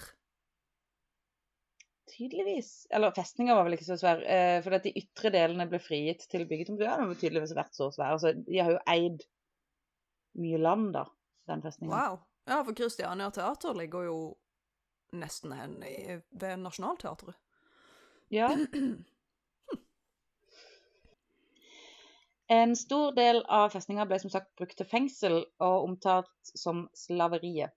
Eh, Den tids kriminalomsorg, som vi har snakka om før i andre fylker, var en blanding av oppbevaring, for å beskytte samfunnet der, eh, og moralsk oppbyggelse gjennom hardt arbeid. Så i stedet for å henrette kriminelle, ble de satt i tvangsarbeid. Slavene kunne da settes til alle slags offentlige arbeider, eller leies ut til private. Hæ? Ja. Og jeg bare Jeg vet ikke om jeg hadde gått til de og spurt sånn Hei, jeg trenger noen til å klippe hekken min. Kan jeg få lov til å leie en av dine slaver? På den annen side, altså på den tiden så ble man jo satt til straffarbeid for ingenting. Ja, det er sant. Så du kan jo bare være så uheldig at du bare fattig, på en måte. Så du var jo ikke nødvendigvis en morder av den grunn. Det er et veldig godt poeng, for jeg var litt sånn De var jo i fengsel for at de hadde gjort noe galt, men de hadde jo virkelig ikke gjort noe galt hvis de stjal et brød. Ikke nødvendigvis. Eh, blant de innsatte var kjente størrelser som utbryterkongen Gjest Bårdsen og mestertyven Ole Hølland. Nei! Jo, jo, jo, jo. Det syns jeg er veldig fint. Jeg vil at vi skal snakke om utbryterkongen Gjest Bårdsen og Ole Helland. Jeg syns de virker Hølland. Jeg synes de virker som kule folk. Eh, Jeg har ikke lest så mye om det, bare lest litt grann sånn fort. Tenk, tenk å være utbryterkongen. Eller ha tittelen mestertyv. Mestertyven! Jeg mener den eneste det det eneste jeg vet om i hele verden som har en sånn mester foran seg, er mesterdetektiven Blomkvist. Så ja. Ehm, Etter det læstadianske samiske opprøret i Kautokeino i 1852 havnet alle menn, unntatt lederen Aslak Hetta og Mons Zombi, som i parentes her ble halshugget i Alta, Mhm. Ehm, de alle resten havna da på Akershus. Kvinnene ble tatt på tukthuset i Trondheim. Gøy for kvinnene der. Både Altså alle læstadianere fra hele Alta. De bare tok med seg alle. Havnet alle menn. Ja. Unntatt lederen. Ja, så de tok med seg alle. Nice. Det er da sånn det var der. Så sånn brukte de slaver på 1800-tallet, til slutten, mot slutten av 1800-tallet. Det er jo topp stemning. Da, og det var veldig mange som døde i fangenskap der, så det er jo mye mord og grusomheter som har skjedd. Ja, og så er det jo ikke, når det er snakk om straffarbeid, så er det jo ikke snakk om eh, åtte til fire dager, akkurat. Nei, det er Du jobber jo Det er jo konsentrasjonsleirlignende tilstander. Du jobber jo til du faller om, liksom. så skal jeg bare nevne at eh, gode gamle Wergeland hadde et kontor på festningen. Det, jeg må jo referere til noen bøker før jeg har funnet ut at det skal være min ting. så Henrik Wergeland hadde sitt eget kontor på festninga der han satt og skrev. Så der har han sikkert skrevet noen fine bøker. Mens han satt og hørte på folk skreik i kjelleren. Eh, ja, det er vel egentlig det fakta jeg tenkte var viktig å få med seg om eh, Akershus festning. Det neste jeg skal fortelle om, er Dette er da travelexplorations.com, som forteller om eh, området rundt gamle Kristianias gater og Akershus festning. Er spekket med mystiske historier som har satt dype spor. Vandringen som han som har skrevet denne artikkelen var med på, tok, eh, skjedde den 5. juni 2018 og tok han 1000 år tilbake i tid, og fikk, han fikk høre flere skumle fortellinger. Og nå ramser han opp forskjellige steder rundt omkring eh, her hvor det da visstnok skal spøke. Det er da Mhm. Dette er jo sikkert ikke gøy for deg siden du bor i Oslo og kan gå og se på det, eller være der. Det er da Christiania Torv, Kafé Celsius, restaurant Gamle Rådhus, eller Radhus, eh, Dublin, Dubliners pub, Hotell Grimsgrenka, Grimsgrenka. Vet ikke hvordan jeg sier det. Grimsgrenka. Er det kult der? Jeg har bare gått forbi. Jeg vet ikke, jeg har ikke Ja. vært der inne. Designhotellet, og spesielt Akershus festning. Det er jo det som er mest hanta. Mm. Turen han her var med på da, starta på Kristiania torg, som var byens hjerte den gangen det het Kristiania. Her lå byens torg, Mm. kirke og kirkegård. Her lå også byens eneste drikkevannskilde og rådhus. Og hit kom folk for å kjøpe og selge varer, for å sladre, og for å la seg underholde med, en eh, av, med avstraffelser. Great, great. Eh, Fun times. Så det var da på dette lille torvet de hadde gapestokk, det hadde de mye av. Og her henrettet det også folk på dette lille torvet. På Akershus eh, festning eh, har det vært flere militære slag gjennom tiden, og i dag voktes festningen både av kongens soldater og spøkelser. Dam, dam, dam. Hvem som er mest skremmende, skal ikke sies, men her skjer det mystiske ting. Pga. alt det dramatiske som har skjedd i gamlebyen, og spesielt eh, på Akershus festning, så er det ikke rart at det er mange døde personer som går igjen her. Og så står det i parentes 'for de som tror på gjenferd'. Det syns jeg er gøy. Mhm. Helt, helt enig. Mhm. For det er jo spøkelsesvandringer på Akershus festning. Du, hallo, du kan uh, kjøpe deg inn. Kjøpe deg inn! du kan få bestille en liten tur. Uh, og da, uh, i akkurat denne artikkelen her, så har, de, har VG snakka med spøkelsesguiden Kristin Amundsen. Og som liksom tar en sånn, Hun har en sånn tur gjennom gamle Oslo og Gamle Oslo, heter det? Hva heter det? Gamlebyen. Og da Akershus festning. Og Ja, som, ikke gamlebyen. Det er en annen del av byen. ja, det er en annen Herregud, hva heter det da? Sentrum? Der, der det er eh, Der, der torvet lå i gamle dager. Sånn Mm. sa vi det. Eh, så godt kjent er jeg i Oslo. Dette, altså da det Hun sier dette er et sitat fra henne. Dette er blant de mest hjemsøkte områdene i Norge, sier hun før kveldens guidede gruppe blir ledet ned den knirkende trappen til kjelleren på restaurant Gamle Rådhus. Så nå er vi på restaurant Gamle Rådhus. En av deltakerne nøler med å gå ned. Til slutt ombestemmer hun seg og går igjen. Så er det sitat. Jeg visste det. Det samme skjedde da jeg var her sist. Da jeg begynte å gå ned trappa, kjente jeg et trykk i nakken og hodet. Akkurat som om noen spente et dykkerblybelte rundt nakken min, forklarer hun når vi andre kommer opp igjen. Weirdly specific. Ja, ja jeg bare sånn Ja, et dykkerblybelte. Mhm. Det er sånn jeg også føler meg når jeg har jobba for mye. Eh, Så sier de videre Hun forteller gjerne om følelsen hun fikk, men vil helst ikke ha navnet sitt i VG. Det skjønner jeg litt. Jeg tror også det er derfor det er vanskelig å finne spesifikke spøkelseshistorier på nett. Fordi folk er sånn Hvis jeg legger dette ut, så tror folk at jeg er gal. Man har ikke lyst til å være hun der eller han der. Nei. Og jeg mener, jeg kjenner meg jo igjen ettersom jeg sitter her og sier gang på gang at jeg ikke tror på spøkelser. Ja, ja. Så ja. Jeg begynner jo å tro mer og mer da, etter at vi har holdt på med denne podden en stund, eh, kjenner jeg. Ifølge guiden, eh, Kristin, er det ikke uvanlig at deltakere på spøkelsesvandringene både ser og føler ting som er vanskelig å forklare. Hun begynte å arrangere disse spøkelsesvandringene allerede i 2002, eh, etter å ha lest alt hun kunne finne om temaet i bøker og på nett, og i intervjuer med mennesker som bor og arbeider i Kvadraturen og på Akershus festning. Høsten 2019 arrangeres eh, spøkelsesvandringen hver, hver tirsdag og onsdag og torsdag ut oktober. Jeg regner jo ikke med at det foregår nå, siden hei, korona. Nei, det gjør nok ikke det. Nei. Så guider hun de altså da gjennom torget, hvor kirken og kirkegården eh, lå. Eh, her ser jeg at noen som har copy-pasta fra den artikkelen. Den forrige artikkelen jeg leste, har brukt denne artikkelen. Ehm, mange tror at byen, byens første bøddel bodde i det gule bindingsverkstedshuset hvor Kafé Celsius holder til i dag, eller i det gule huset vegg i vegg. Det sies at han går igjen. Jeg tror jeg til og med har vært der. Jeg har vært der.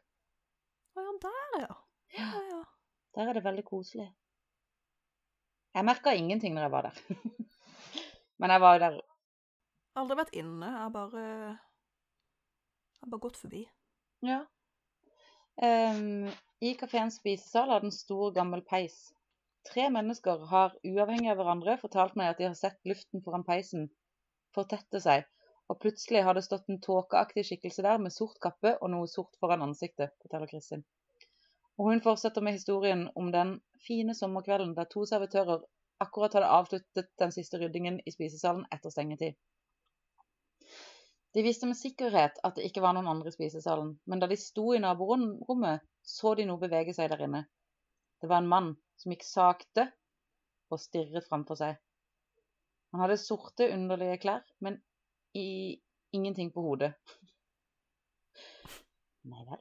Eh, Han hadde ikke hatt! han hadde ikke hatt. Men han var jo inne. Man skal da ta av hatten når man er inne. Ja, det skal man kanskje. De så at han hadde langt, hvitt skjegg og kort Nei, jo, langt, hvitt skjegg og kort, hvitt hår. Begge gikk inn i spisesalen igjen for å se hvem det var, eh, hvem det var og be han om å gå. Men da var det ingen der. Og siden dørene var låst, var den eneste veien et menneske kunne forsvunnet, gjennom det rommet hvor servitørene sto. I tillegg er det utallige historier om glass som plutselig hopper ned fra hyllene og knuser, stearinlys som tenner seg selv, og stoler er bare de, Det er Harry Potter. Og stoler som stiller seg opp foran peisen uten at noen har flyttet på dem. Da ser jeg for meg en stol som bare da, di, da, di, da, di, da, begynner å gå bort til peisen og bare 'Jeg er kald'. Litt sånn som i um, uh, Beauty and the Beast. Ja. Er det ikke noen møbler som går der? Jo, enten det eller i uh, Fantasia. Ja. Å, den er fin. Ja, den er veldig fin. Men dette er ikke det eneste huset med merkelige fenomener rundt byens gamle torv. For rett over gata så ligger det gamle rådhuset. Og i kjelleren lå byens første fengsel. Så det første fengselet var altså der. Det var kaldt og det var rått, og fangene satt lenket fast til veggen, som de gjorde i Bergen. Det var der nede en av deltakerne på spøkelsesvandringen kjente den trykkende smerten i brystet, og en annen eh, og en annen ikke klarte å komme ned trappen. Men vi som likevel knirker oss ned til det som i dag er bl.a. inneholder restaurant Gamle Rådhus sin vinkjeller, fikk vi, eh, fikk vi høre at Kristin også har hatt med seg synske hit. De har fått voldsom hodepine her nede. De har fortalt at de hører lyden av gråt og lenker, og kjent en fysisk smerte i magen. Så nok en gang disse hulkende skri... Jeg bare, jeg det, er hver gang med spøkelser så er det jo alltid en trist historie med hvorfor de døde, og det er derfor de går igjen. Og jeg bare, jeg tror den verste måten å dø på er å sitte lenka fast i en kjeller til du dør. Eh, ja, det, it's pretty far up there. Og så forteller hun at uh, rett ved bankplassen uh, så lå byens første barnehjem, og der er det en kokkepike som går igjen. Å, halleluja. Men det er bare sånn, så bra at det er en kokkepike, og ikke alle barna som gikk på det barnehjemmet. For det Mm, syns jeg er mye verre. Bankplassen, hvor er det henne? Jeg bare sitter med kartet, det er litt sånn gøy å se stedene du snakker om. I, eh, så går vi videre da til Akershus festning. I middelalderen var eneste inngang til festninga gjennom en lang, mørk gang fra porten i Jomfrutårnet. På den tiden var det ikke uvanlig at å begrave levende meg, ves Jomfrutårnet? Ja. Hvor er vi nå? Nå er vi på Akershus festning. Jomfrutårnet. Ja, det er et bilde her ehm, som liksom Det er en liten dam, og så ser du opp på et bitte lite Det er ikke et stort tårn, det er et bitte lite tårn eh, som på en måte henger sammen med eh, muren. Mm. Eh, så det er, det, det er ikke, ikke sånn Det er jo sikkert derfor det heter et jomfrutårn, for det var bitte lite. Nei, nå var jeg ja, Unnskyld. Eller kanskje Kanskje det var der man oppbevarte døtrene i husholdet. Eventuelt. Den gang da, når det var folk som bodde der. Det, ja, selvfølgelig. Det må jo ha vært det. Vi sier det. Nå Vi lager vi vår egen historie. Ja. um, på den tiden var det ikke uvanlig å begrave et levende vesen inne i viktige bygninger. Bare Eh, Hva faen i helvete? Unnskyld meg. Um, så på Akershus ble, det, eh, ble en levende hund murt inne i et lite rom i tilknytningen til mørkegangen. Hæ?! Hør på dette. I begynnelsen kunne folk høre at den bjeffet og ulte, men etter hvert ble lyden svakere, og den døde. Det er så trist! Du har murt en hund inn i veggen. Bare fordi Hva faen er det det, er skikken. å gjøre? det var skikken. Jeg... Så, etter noen år, begynte folk å høre klinkingen og bjeffingen fra mørkegangen igjen. Åh. Jeg det er så trist. For den hunden bare sitter fast i det der. En dag kom en soldat løpende ut og fortalte at han hadde blitt angrepet av en hund som plutselig hadde bykset ut av veggen. Det har han sånn godt. Han var hardt skadet, men han døde ikke av skadene. Han døde først en måned etter, eh, da han ble utsatt for en ulykke. OK. Jeg syns det er så gøy. Men her kommer greia. Etter dette er det beskrevet flere tilfeller der folk har sett hunden, og så dødd kort tid etterpå. Åh, det er en grin. Mhm. Det er grim. Den bikkja bare motherfucker. Ja, men unnskyld meg, hadde jeg blitt murt inn i en vegg, så hadde jeg, jeg hadde faen meg gjort det samme. Jeg hadde vært sånn Ja, men you know what? Jeg dere skal dø. Alle skal dø. Alle som ser meg, skal dø. Mhm. Eh, nå høres jeg psykopat ut. Ja. Hører at jeg også er veldig motstridende mot meg sjøl med det jeg snakker om med deg. Og når jeg nå kommer til min egen historie, så er jeg sånn Det er sant. Trenger kanskje ikke at folk dør, men bare Nei. sette en liten støkk i dem. Ja, skremme de. Jeg skal skremme de. Eh, folk, eh, Kristin, eh, vår eh, som reiser rundt, forteller at det fra tid til annen er noen som har med seg hunder på spøkelsesvandringen. Og Oi. hver gang begynner de å bjeffe når de er ved stedet hvor hunden ble murt inn i veggen for mer enn 700 år siden. Kristin forteller flere historier om mennesker som har vært med på spøkelsesvandringene, og som har både sett og følt at hunden har vært til stede. Men ingen av de har dødd etterpå, heldigvis. Og så sier plutselig en av de som er med på spøkelsesvandringa, se! Eh, noe rører på seg oppe på muren. De som står nærmest brå snur og kikker opp. Det er en mus! uh. er du redd? Wow! VG, altså. De kan skrive. Shit, VG. Eh, her kommer det en. Eh, I eh, Knutstårnet så eh, skal det to netter i året høres klagende skrik fra Akershus festning. Det kommer altså da fra Knutstårnet natt til 15. eller natt til 16. august. Knut Alfsønn var kongens mann på Akershus festning på slutten av 1400-tallet. Etter å ha mistet jobben i 1502 eh, samlet han en bondehær, og dette ble den eneste hæren som noen gang i historien har lykkes med et angrep på festningen. What? Det er jo fordi de har vært en bondehær, sant? Og de har fått lov til å gå gjennom! Oslos gater og bare De hadde, de hadde ikke på seg rustning, så da var det ingen som stoppa dem. Bare fucking Hæ? pitchforks og uh, spader. ja. Så gøy. Uh, Knut tok tilbake makten på Akershus festning. Uh, men da sendte kongen sine beste menn fra Danmark for å ta livet av ham. De klarte å lure ham i en felle, og Knuts kropp ble murt inn i et tårn for å råtne. Nei, i det tårnet. I Knutstårnet. Det er derfor det heter Knutstårnet. Var han død? Eh, altså, de sier Knuts kropp, så jeg håper jo at han var død. Eh, Ja, men de lurte han i en felle, så det er sikkert en sånn felle som drepte han. Eh, tenker jeg. Ja. Etter dette har altså mange hørt skrik fra Knutstårnet eh, natt til 15. og 16. august, da han ble lokket Nei, ja, sånn her, ja. Da, eh, både natt til den 15. august, da han ble lokket i fellen, og natt til 16. august, da han ble drept. Okay. Så. Eh, og så går vi litt videre.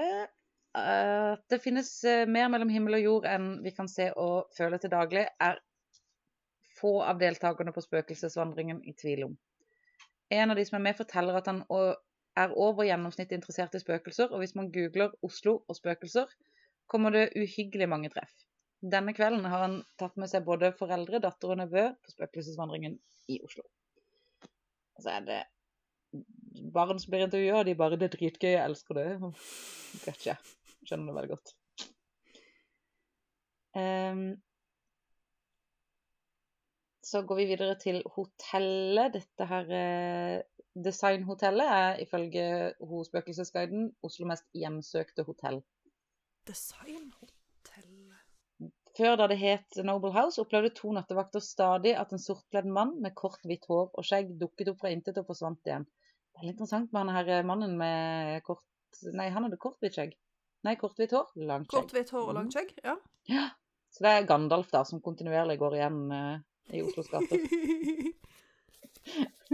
og blåser sånn skyer, uh, sånn skip, skipsrede. Han blåser skipsreder. Åh, bu. Uh, hun sier at mange har sett tallerkener, kjøkkenutstyr og lysestaker flytte, seg, eh, flytte, rundt, flytte seg rundt på egen hånd. Og mange har følt at de har blitt dyttet på av usynlige hender. Eller at de nærmest har mistet pusten. Selv om Kristin, altså guiden vår, har opplevd så mye i kjelleren på dette hotellet at hun ikke Selv har hun opplevd så mye at hun ikke vil gå ned dit igjen. Men det er fritt fram for den som tør. Yeah. Det var jo kirkegård under det hotellet. Eller sånn, der, den tomta, på den tomta der den, det hotellet er reist, der var det da en kirkegård. Mm -hmm. um, og det er da en kirkegård for svenske soldater. Og det er visstnok disse som spøker hos oss, eh, sier da hotelldirektøren. Selv har hun ikke merka noe til spøkelsene, men hun forteller om at gjester og ansatte har merket vibber i luften, og at lys og TV-er slår seg av og på av seg selv. Det skjer særlig i kjelleren og i baren som har fått navnet Ghost Lounge. Jeg hadde nok også gjort det hvis jeg hadde eid et hotell, så hadde det vært sånn Her spøker det. Uh, ja. Også her har, eh, også har gjester har også opplevd at ting har blitt flytta på uh, i rommet uten at noen har vært der inne. Men det er vel de som er mest åpne for slikt, som opplever det, sier hun. Det er sikkert derfor jeg aldri får lov til å oppleve det igjen, fordi jeg ikke er åpen nok. Og nok en gang så sier hun, som de fleste vi har eh, vært innom, det er hyggelig med husspøkelser. Det er bare så hyggelig. Så kan man velge om man vil tro det eller ikke, sier da eh, hun. Å, så hyggelig. Ja, jeg vet ikke. Jeg vet ikke hvis de går hjem fordi de er lei seg fordi de har dødd. Så er det kanskje ikke så hyggelig. Ja. Eh, så går vi videre da til at det er noen, i den restauranten så er det aldri noen som har truffet noen mannsskikkelse i restauranten. Men jeg har sett en utenfor toalettene, som da er nede i kjelleren der. i Mm. denne Inne i selve restauranten tror vi som jobber her nå at det er et damespøkelse. Jeg har gitt henne navnet Greta, sier restaurantsjef. Eh, det er hun på Kafé Celsius her, da. Eh, Hun forteller at de i perioder opplever mye merkelig. Som at de dekker på om kvelden og legger kniver og gafler pent oppå serviettene, og plutselig er serviettene borte. uten at noen vet hvor de har blitt av. Så kniven og gaffelen ligger der igjen. Men servietten er vekk. Det er veldig gøy. og når vi kommer om morgenen, blinker alltid lysene i baren. Helt til vi sier 'Hei, Greta'. Da går de i orden. What? Da slutter de å blinke. Bare herregud. Kokken må også si 'Hei, Greta' når han kommer på jobb om morgenen, ellers så skjer det mye rart på kjøkkenet den dagen. OK, eh, vi må dra dit og spise neste gang du kommer hit. Du er klar over det? Ja, vi må faktisk det. Ja. Og så må vi eh, si 'Hei, vi har denne podkasten. Kan vi få jobb til å snakke med dere om ting?' Eh, skal vi se. Så har jeg da tilfeldigvis, for jeg prøver jo å forstå TikTok. eh, og tilfeldigvis, mens jeg var inne og gnoma på den rare, rare tingen det er, den appen det er, så kommer jeg over en jente som har filma Eller jeg vet ikke om det er en jente. Eh, hun har hashtaggen eller kallenavnet Lusekofta med to a-er på slutten Lusekofta? som da har tatt en liten runde rundt på Akershus festning og snakker, eller skriver da om spøkelsene. Det er bare du kødder. Det er så gøy at jeg finner dette. På TikTok. OK, det er kult. Så der har vi jo en vei vi kan gå, da. Da kan vi kanskje drive og filme ting og fortelle fakta fra de forskjellige plassene vi har vært på. Um, hun er da rundt og eh, går liksom en tur rundt på Akershus festning. Og snakker da om men, han Knut som ble murt inn i en vegg ute inn, inn i det tårnet. Og at skjelettet hans fremdeles er der. Vi filmer hun det tårnet. Stakkars. Ehm, du kan høre Ja, og der også sier hun liksom det at du kan høre disse ropene hvis du går forbi på riktig dato. Du må gå der på riktig dato. Uh, og så går hun videre til å filme en vei hun går. Eh, Ja, festninga var den eneste veien liksom inn til Oslo. Og den ser over Oslofjorden, som vi da snakka om at det må jo ha vært derfor det faktisk gikk an å holde det såpass lenge. Mm. Eh, de bestemte seg for å gå eh, til den veggen, og de har med seg en hund da når de er ute og går. Og da gikk de bort til den veggen der liksom Mange mener at når de går forbi Det er jo der den hunden er begravd. Mm. Så har mange ment at de har eh, besvimt, sier hun da. Eh, og de har da med seg denne hunden. Men hunden nekter, nekter 100% å gå der. Og ville bare hjem, benekta å være der og ville bare ikke være der i det hele tatt. Det var helt tydelig at han bare Take me the fuck away from here. Hunden, altså. Ja. Så jeg lurer litt på liksom sånn Ja, det er helt tydelig at eh, hunden bare vekk, vekk, vekk. Og dette syns jeg er gøy, da. Eh, According to no, Hun skriver på engelsk her, da. Så according to an urban legend, you can see a horse without a rider. If you see a horse without a rider on the fields, you will die eh, during the next month or so. Så der er det også en hest uten rytter som driver og gnomer rundt på gårdsplassen der. Ah, dårlig stemning. Japp. Uh, beneath the grass lay 700 years of death in the form of a mass grave. Så under gresset rett ved Akershus festning så er det da eh, gravplass. En masse grav, ifølge hun her, da. Eller han her, Lusekofta. Under plenen på kontraskjæret, liksom. Under plenen. Nice. Ehm, og så Nei. Nå så jeg ikke hva som sto der. Jo, og nå, når, du, liksom, når du går fra, når du går fra, fra Akershus festning, da, så går du jo over en bro. Og da er det ofte mange ser noen gå mot de over broa, så bare forsvinner. Og da er det da supposedly, supposedly the gatekeeper. Som ikke gjør noe vondt. Han bare går der og passer på at du ikke skal Ikke gå her, men gå her. Men ikke gå her. En Passiv-aggressiv Sånn er sørlending. Ja, ja, eh, det som sagt, når jeg går igjen. det stemmer 100 Å nei.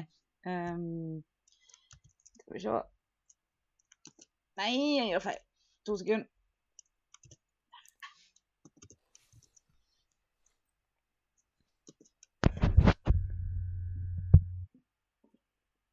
Ja, ikke er vi jo da inne på Magic igjen. Magic.no. Magic.no, vet du. Eh, og det er jo nok en gang Kristin de har intervjua her. Eh, Kristin er jo Siden hun har holdt på siden 2002, så er hun jo en drømmedame. Ja. Og snakker om eh, denne dødshesten som ble nevnt i den TikTok-videoen, da. Eh, så eh, er overskriften 'Nattpyrene og dødshesten'. Eh, hun forteller da om disse spøkelsene og bla, bla, bla. Vi grøsser litt, og det er litt skummelt og sånn. Jeg syns egentlig at Magic skriver det jo bedre enn VG, syns jeg da. Eh, mange har mistet livet sine her. Folk har dødd av pest og matmangel eller blitt torturert til døde. Og det er ikke rart det er mye energi, og at folk hører skrik eller ser spøkelser. Um, og forteller om de brennende kvinnene, eller nattpyrene, som har vist seg før hver brann på festningen. Nattpyrene er kvinneskikkelser på størrelser med babyer. De sies, det sies at de har stygge grin og en grufull latter. Uh, at det var Hvis jeg hadde Hvis jeg hadde møtt det, så tror jeg jeg hadde dødd. altså, bitte, bitte små sånn- kvinner. Som går rundt og uh, skriker. Og da uh, De brenner. Så det er jo sånn Jeg vet ikke, så du Har du sett Silent Hill? Ja. Ja. Der er det jo sånne babyer som går rundt og skriker og ser, som, som, som brenner. Eller sånn, de ser litt ut som babyer. Ish. ja, det Det, er er det fall- det syns jeg var veldig skummelt første gang jeg så det. Jeg synes det var veldig bra. Den er veldig skummel. veldig skummel. Eh, det er også en historie om en svensk soldat som eh, sørpefull rei alene opp mot festningsmurene, banna og skreik at han skulle innta hele Norge. eh, det endte med at norske soldater skøyt både ham og hesten hans, og hestens gjenferd har skremt mange siden. Det sies at de som ser hesten, blir utsatt for en ulykke, men overlever. Mens de som hører hesten, dør innen et år. Da er det jo bra at uh, politiheststallen ligger rett ved siden av, da. Så hvis du hører en hest, så Ja, er det antageligvis en hest. som er i live. Ja. Eh, virkelig. Jeg håper det. OK, du er litt opphengt i disse nattpyrene. Det er bitte små Ja. damer som brenner og løper rundt og skriker. Jepp. Det sies at de har stygge grin og en grufull latter. I hodet mitt ser dette bare komisk ut, men jeg tror ikke Ja.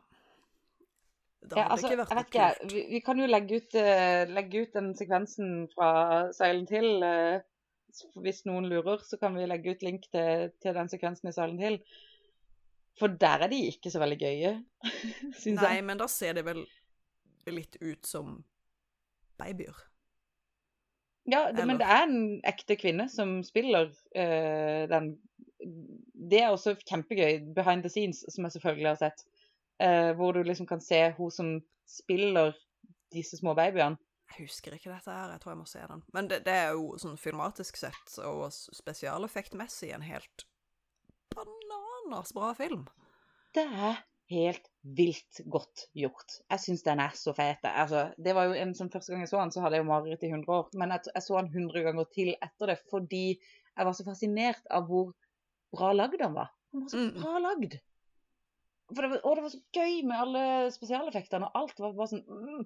Så jeg er jo sånn som når jeg blir redd for noe, så må jeg gå og se en gang til, en gang til. Jeg må gjøre flere ganger sånn at jeg kommer over det. Det er min måte å bearbeide ting på. Det er jo egentlig lurt, tror jeg. Eller Ja, kanskje det er det. if it works Eh, for you. Ja, det er jo det. Det funker for meg. Men det er da alle gjenferdene som visstnok går igjen rundt Akershus festning og på Akershus festning, Shit. Som jeg har funnet til nå. Så sånn var det.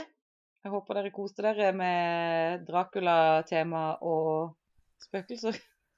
Sava, vi må jo ta en rundtur der når du kommer på besøk. Det kan vi jo Ja, faktisk det- gjøre uten at det koster masse penger. Det liker vi. Ting som ikke koster en million kroner å gjøre, det er positivt. Og så er det jo, om ikke annet, så er liksom festninga dritfin og kjempefint å gå rundt der. Ja, det er det. Altså, bare med de bildene og de YouTube-videoene jeg har vært inne på og sett, så tenker jeg her vil jeg gå, jeg vil se alt. Det ser veldig fint ut. Men that was me, my story. Your story. It's a nice story. Today. Vel, jeg vet ikke, nice nice er kanskje ikke helt ordet. De har jo pleid å ha sånne omvisninger i Nede i kjelleren på festninga. Altså, det var vel sikkert der fangehullene var i gamle dager. Eh, mm. Hver kulturnatt. Å ja. Og gleder meg til verden åpner opp igjen og vi kan besøke ting uten å føle oss som slemme mennesker som reiser rundt i Norge. I agree. Ja. Ja. Ja. Det blir fint. Men det er jo også veldig koselig å bare være hjemme og ikke føle at man må dra på ting hele tiden. um, ja, jeg hadde en liten um, sånn uh, hatsmeldingsutveksling med min bror her forleden dag om at folk er så innmari dumme. Eh, fordi For eh, vi bor jo på det Kenneth kaller krystallorden. Eh, folk her er generelt sett ikke så veldig flinke til å opprettholde smittevernregler. Right, det nevnte du jo. Ja. Stemmer det. Og da blir jo begge vi litt sånn aggro. Eh, han har jo kontor i byen, så han må jo ta båten hver dag, og det er ingen som bruker maske, og det er bare helt dustete. Men så sa han det så Vi bor, Hm? vi bor jo i Kristiansand, og det er jo ingen som bruker maske her eh, anyways. Uh... Nei, men det har vel ikke vært så mye smitte i Kristiansand heller. nei. I Oslo er jo. Altså, Oslo er jo det verste stedet i hele Norge. Ja. Um, men så sa han det så fint at ja, nei, men dette her er jo en grei tid for de av oss som egentlig ikke liker mennesker, da. Ja, for det er det. Ja, sier jeg. Det Det er jo det. veldig fint. Det er liksom, Vi er jo fremdeles på gult farenivå enn så lenge. Og, men hvis vi da, eh, hvis det blir verre nå, så må vi starte med sånn kohortinndeling på jobben igjen. Mm. Uh, og så sier sjefen min og jeg var sånn Å nei yeah. Inni meg så var jeg sånn Å, det blir digg. Ja. Mens utenpå så viser jeg jo selvfølgelig at å nei, det Og det er jo stress fordi at jeg ikke har tilgang til alt jeg skal gjøre, og derfor føler jeg at jeg får ikke gjort noe. Men det er veldig digg å ha hjemmekontor av og til, altså. Ja, absolutt. Og så merker jeg litt på det siden Altså, jeg går jo veldig sjeldent eh, noe sted, med mindre jeg skal ned til min bror. Eh, rett og slett fordi det er så innmari mye smitte. Jeg bare gidder ikke. Nei, Det Eh, skjønner jeg veldig godt. men da er det litt kjekt å faktisk skulle ut og gjøre noe. Sånn, i morgen skal jeg opp til Sven og drikke noen øl. Ja. Altså, jeg gleder meg skikkelig til å gå ut av huset. Og treffe andre mennesker som ikke er familien, liksom. Det skjønner jeg veldig, veldig godt, faktisk. Men det er jo sånn det burde være, egentlig. Men jeg er veldig, altså jeg, siden jeg er et sånt sosialt vesen som jeg jo tross alt er, så eh, Det går veldig kort tid før jeg går på veggen her hjemme. Ja, ikke sant. Jeg har jo ikke det problemet. Nei, men sant, det hjelper veldig med å ha en sønn og en mann, for da har jeg folk å snakke med.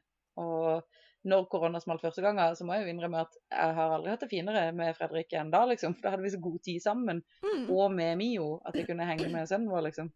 Ja, men også hvis Da var det veldig. Hvis jeg hadde bodd alene eh, Det har vi vel Ja. snakka om før, at hvis jeg hadde bodd alene under disse tidene, så hadde jeg jo Da, vet, da tror jeg jeg hadde faktisk blitt helt galen.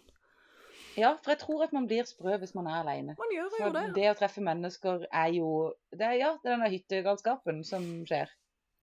Øh, jeg, jeg, å, jeg takler det dårlig. Så til dere som bor alene, vi føler med dere, og dere må bare snakke med oss på internett hvis dere vil. Mm. Snakk med oss på internett. Mhm. Det er hyggelig. Vi kan sende dere sånn Hei, vil du gjøre research på historien min for meg, for jeg har aldri tid.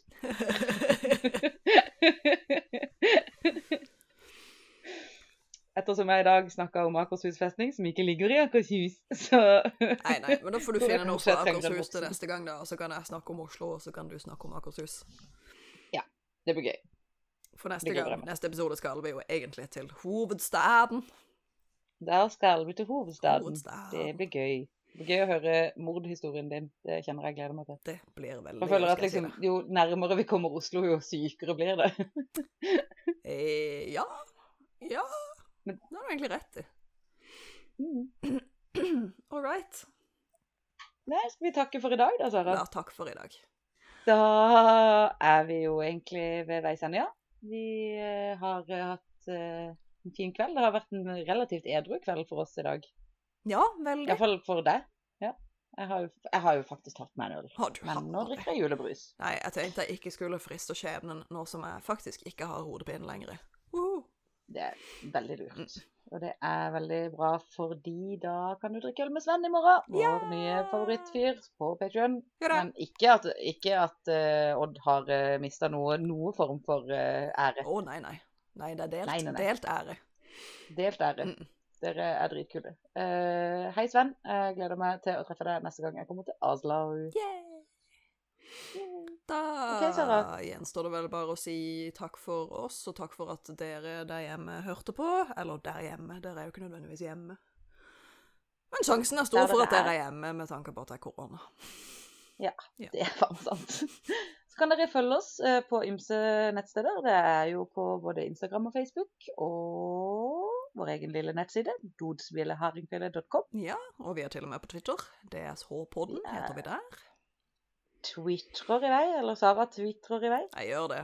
Det er som å rope Ja, ut i et stort tomrom. Jeg Ja. hater Twitter. Så hvis Også det er noen jeg eh, der hjemme som har lyst til å følge oss på Twitter, sånn at vi har litt flere enn fire følgere, så det var kjempegøy. Men har vi fire? Jeg føler det Da har vi gått opp fra to, som vi hadde forrige gang. Eh, Nei, jeg tror vi har et fire hele veien.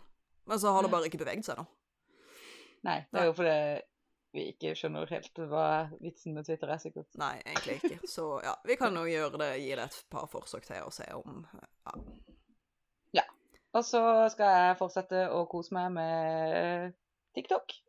og kanskje lære noe etter hvert. Det syns jeg du skal gjøre. Det er gøy. OK, takk for i dag, kjære, kjære Sara. Takk for i dag, kjære, kjære Maria. Vi eh, prates veldig snart. Ha det. Ha det.